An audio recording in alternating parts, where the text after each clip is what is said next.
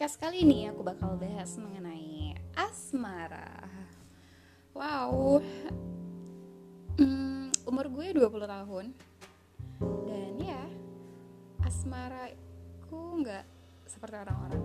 Ya bukan gini sih, cuman biasanya orang-orang yang udah 20 tahun tuh biasanya kan menganggap sudah ngerti tentang pacaran, tentang cinta, bercumbu rayu dan segala macam, tapi gue enggak bahkan aku gak ngerti pacaran sama sekali dan aku nggak tahu uh, cinta itu apa gitu. Dan bagaimana cara mencintai seseorang? Mencintai seseorang yang notabene adalah lawan jenis kita yang akan kelak akan menjadi pasangan lo gitu. Dan gue masih nggak tahu apa gitu. Dan ya apa itu cinta doi doi gitu. Misalnya orang-orang yang kadang-kadang ngechat atau apa itu aku nanya cinta itu apa sih? Kayak gitu. Dan lucunya parahnya lagi ada yang sampai googling. Oh my god kayak hah?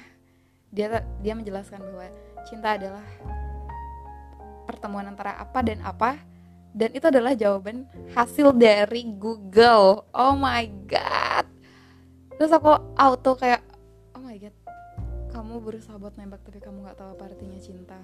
Terus kamu kayak oh apaan sih? Kayak gitu deh. Dan wajar gak sih umur 20 tahun dan itu masih belum ngerti tentang cinta?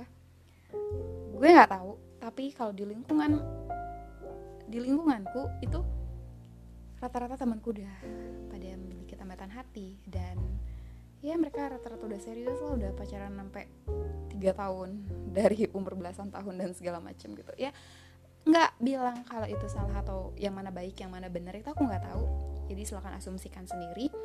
Cuman aku pingin ngasih tahu aja kalau versiku itu kan jodoh itu ada di tangan Tuhan kan?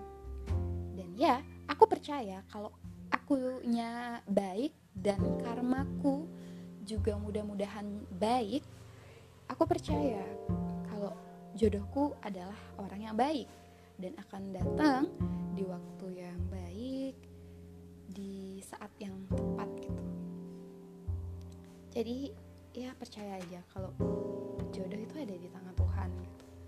Walaupun mungkin kalian down gitu ngeliat di sekitar kalian gitu eh aku normal nggak sih? Aku ini nggak sih? gitu. Wajar aku pun ngalamin hal itu. Cuman balik lagi ke hal yang tadi jodoh itu ada di tangan Tuhan dan Tuhan nggak pengen kalian tersakiti oleh orang yang kalian sayangi.